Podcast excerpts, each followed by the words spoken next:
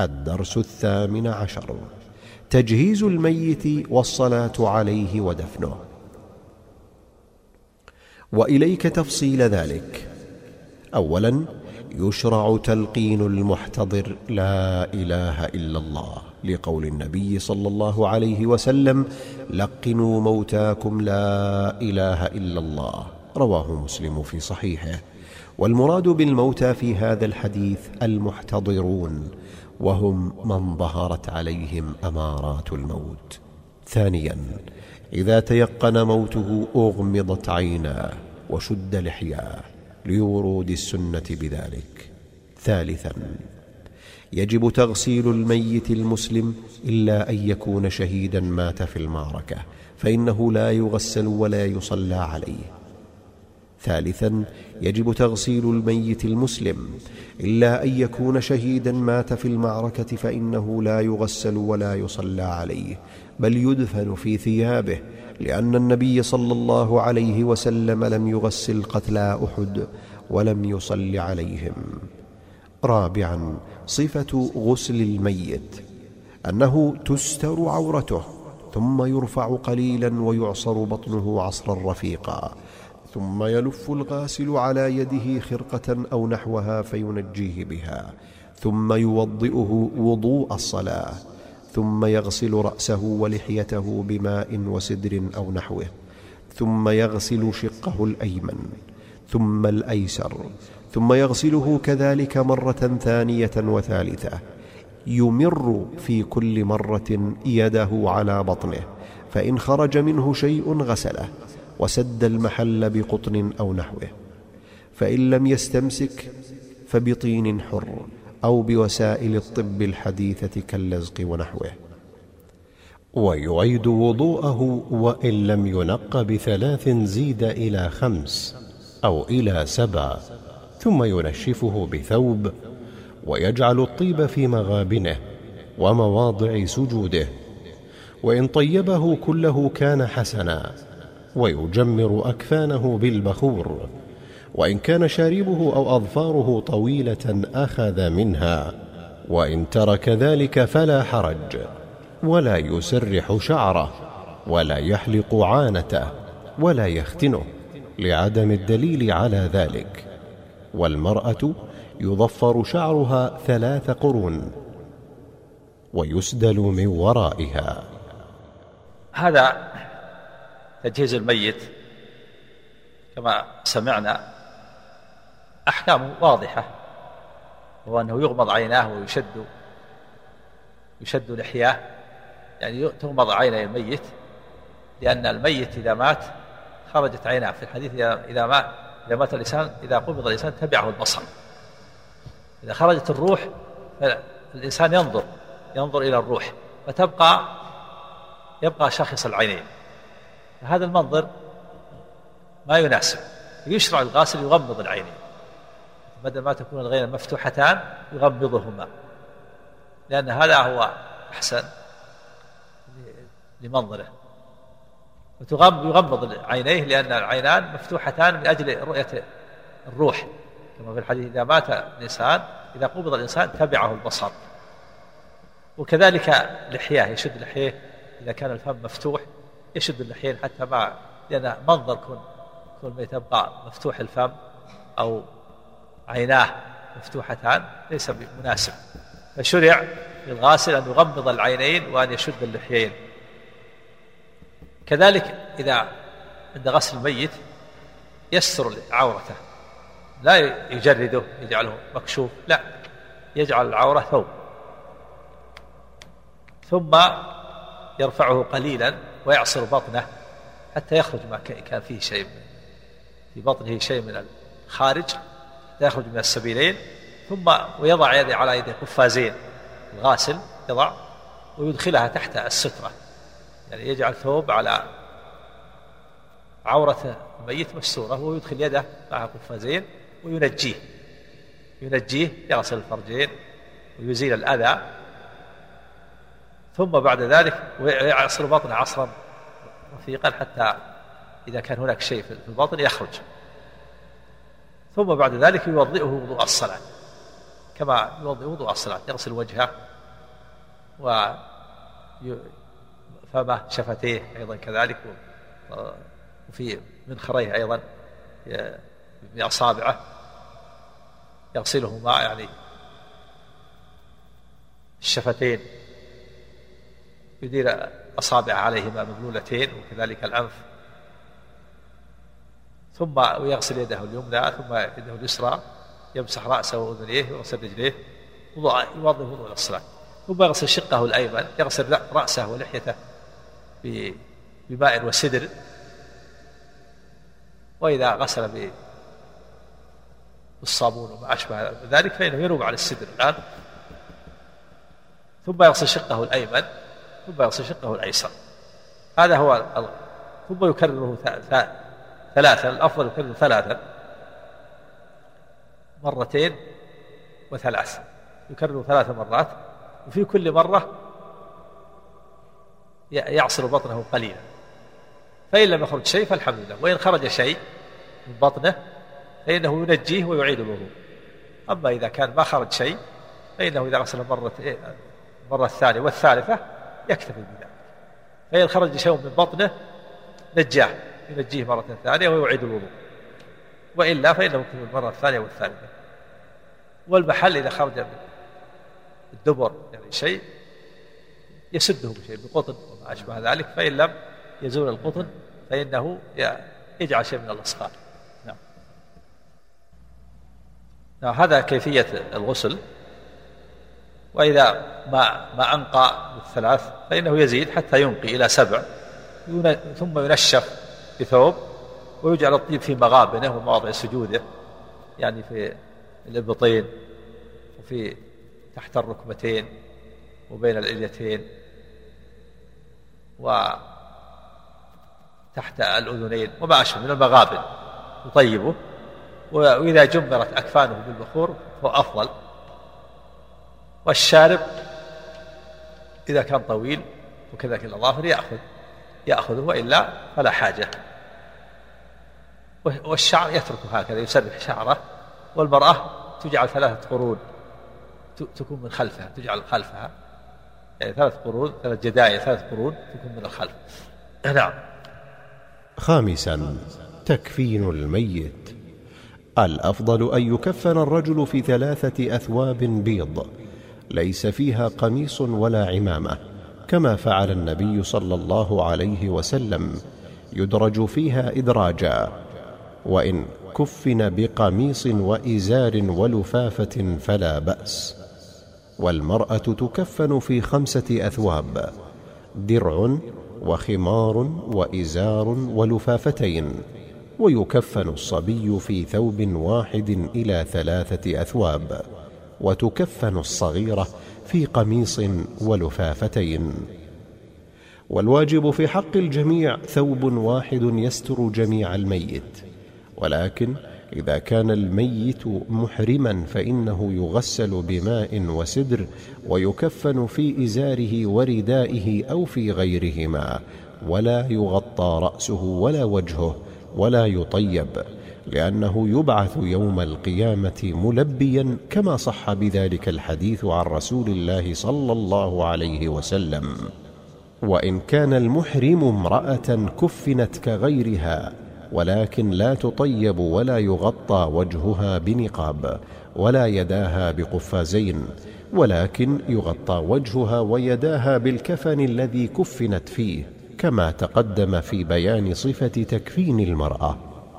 سادسا أحق الناس بغسله والصلاة عليه ودفنه وصيه في ذلك ثم الأب ثم الجد ثم الأقرب فالأقرب من العصبات في حق الرجل.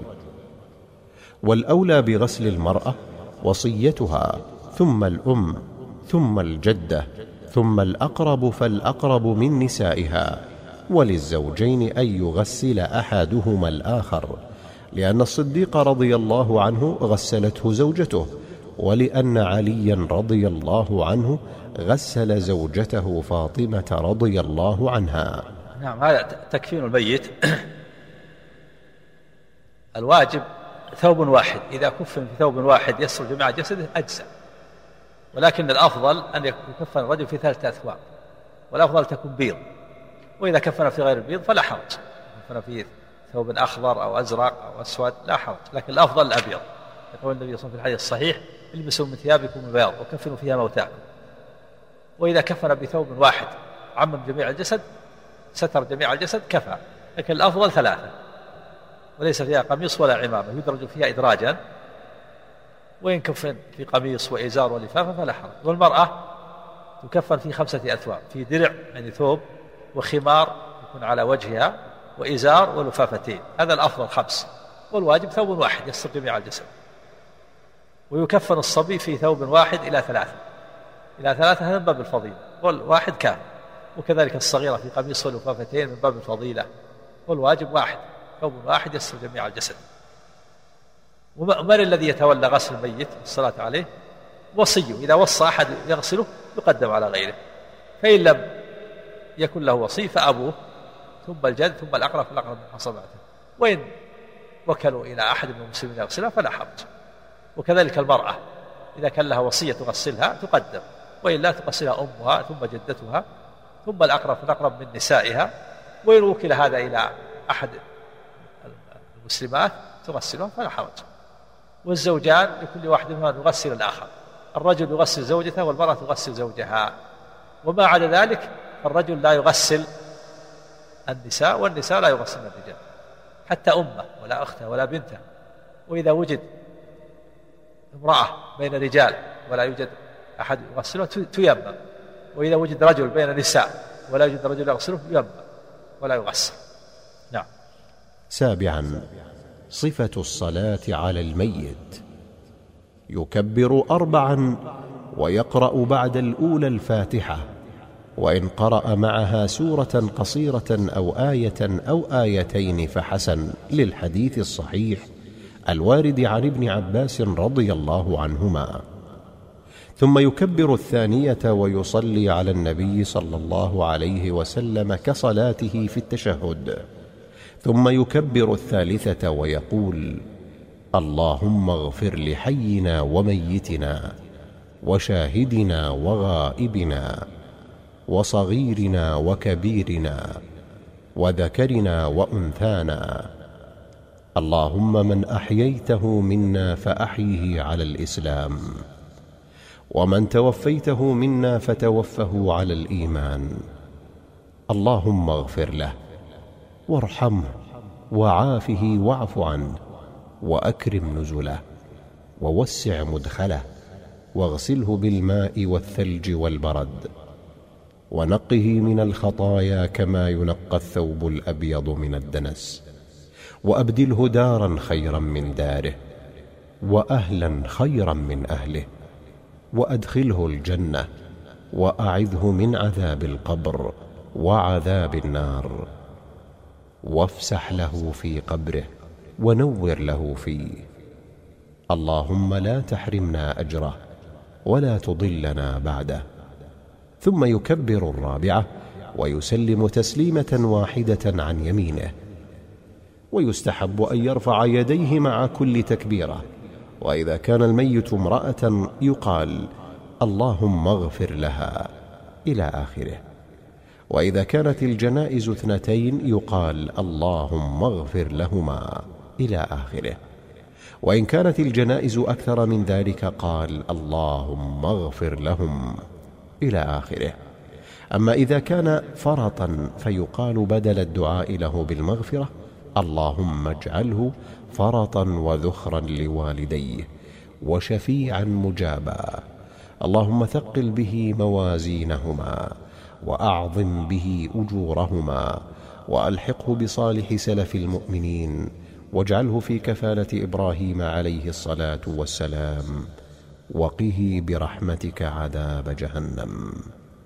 والسنة أن يقف الإمام حذاء رأس الرجل ووسط المرأة وأن يكون الرجل مما يلي الإمام إذا اجتمعت الجنائز والمرأة مما يلي القبلة وإن كان معهم أطفال قدم الصبي على المرأة ثم المرأة ثم الطفلة ويكون رأس الصبي حيال رأس الرجل ووسط المرأة حيال رأس الرجل.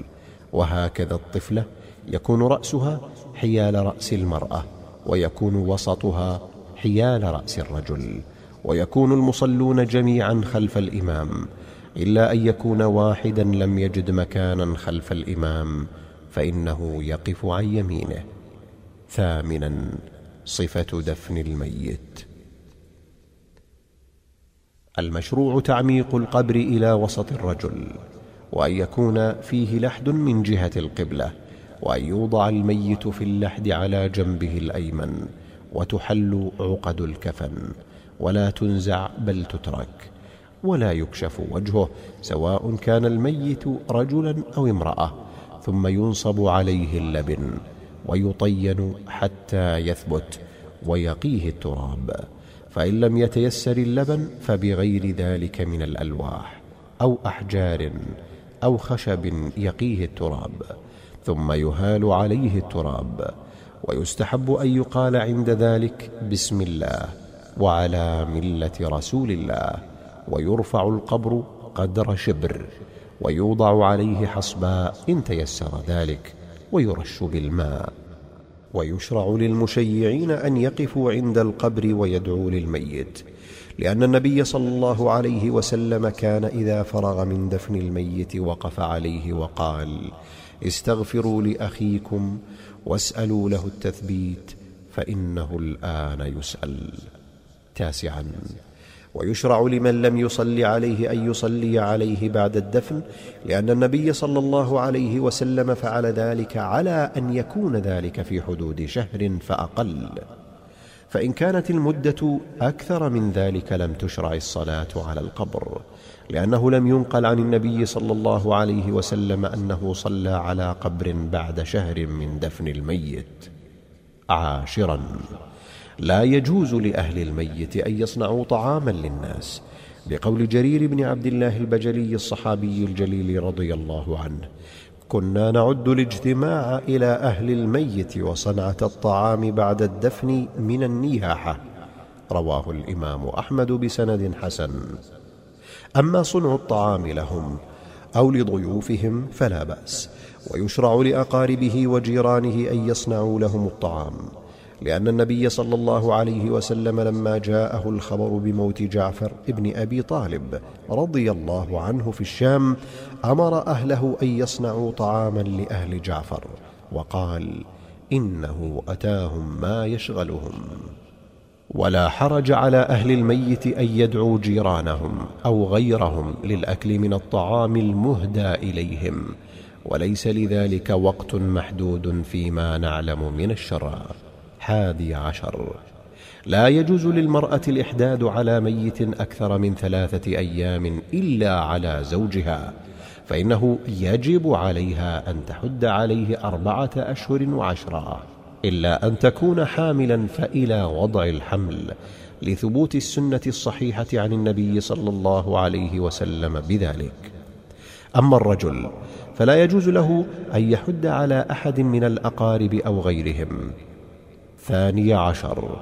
يشرع للرجال زيارة القبور بين وقت وآخر للدعاء لهم والترحم عليهم وتذكر الموت وما بعده. لقول النبي صلى الله عليه وسلم زوروا القبور فإنها تذكركم الآخرة. خرجه الإمام مسلم في صحيحه وكان صلى الله عليه وسلم يعلم أصحابه إذا زاروا القبور أن يقولوا السلام عليكم أهل الديار من المؤمنين والمسلمين.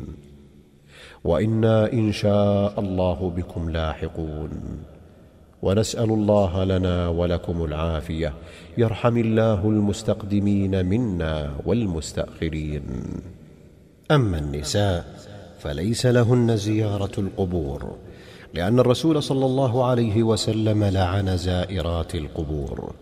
ولأنهن يخشى من زيارتهن الفتنة وقلة الصبر.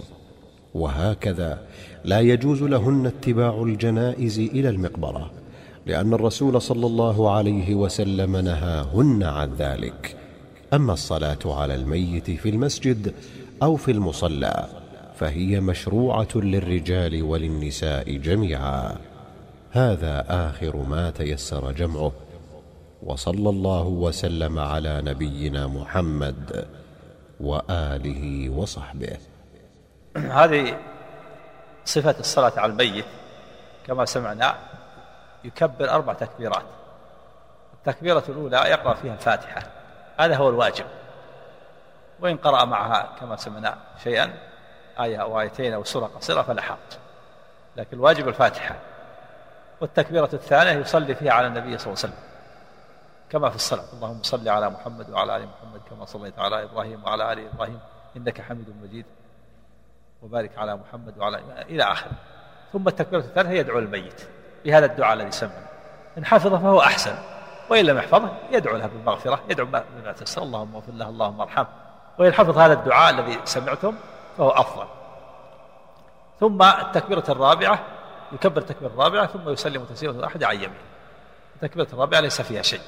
هذه كيفية الصلاة. ويرفع يديه مع كل تكبيرة. هذا السنة. وإذا كان فرطا يقول اللهم اجعله ذخرا لوالديه وفرطا وأجرا وشفيعا مجابا اللهم ثقل بموازينهما وأعظم بأجورهما وألحق بصالح سلف المؤمنين واجعله في كمالة إبراهيم. إذا حفظ ذلك الأفضل أنه يحفظ هذا. فإن لم يحفظ دعا بما تيسر.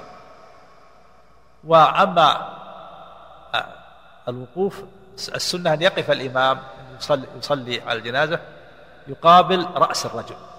وأما المرأة يقابل وسطها. هذا هو السنة. يعني يكون رأس يكون الإمام حينما يكبر محاذي لرأس الرجل الذي يصلي عليه. وإن كانت امرأة يحاول وسطها. وإذا كان رجال ونساء يكون الرجل مما يلي أو الرجال مما يلون الإمام.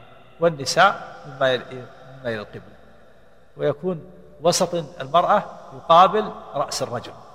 هذا هو السنة.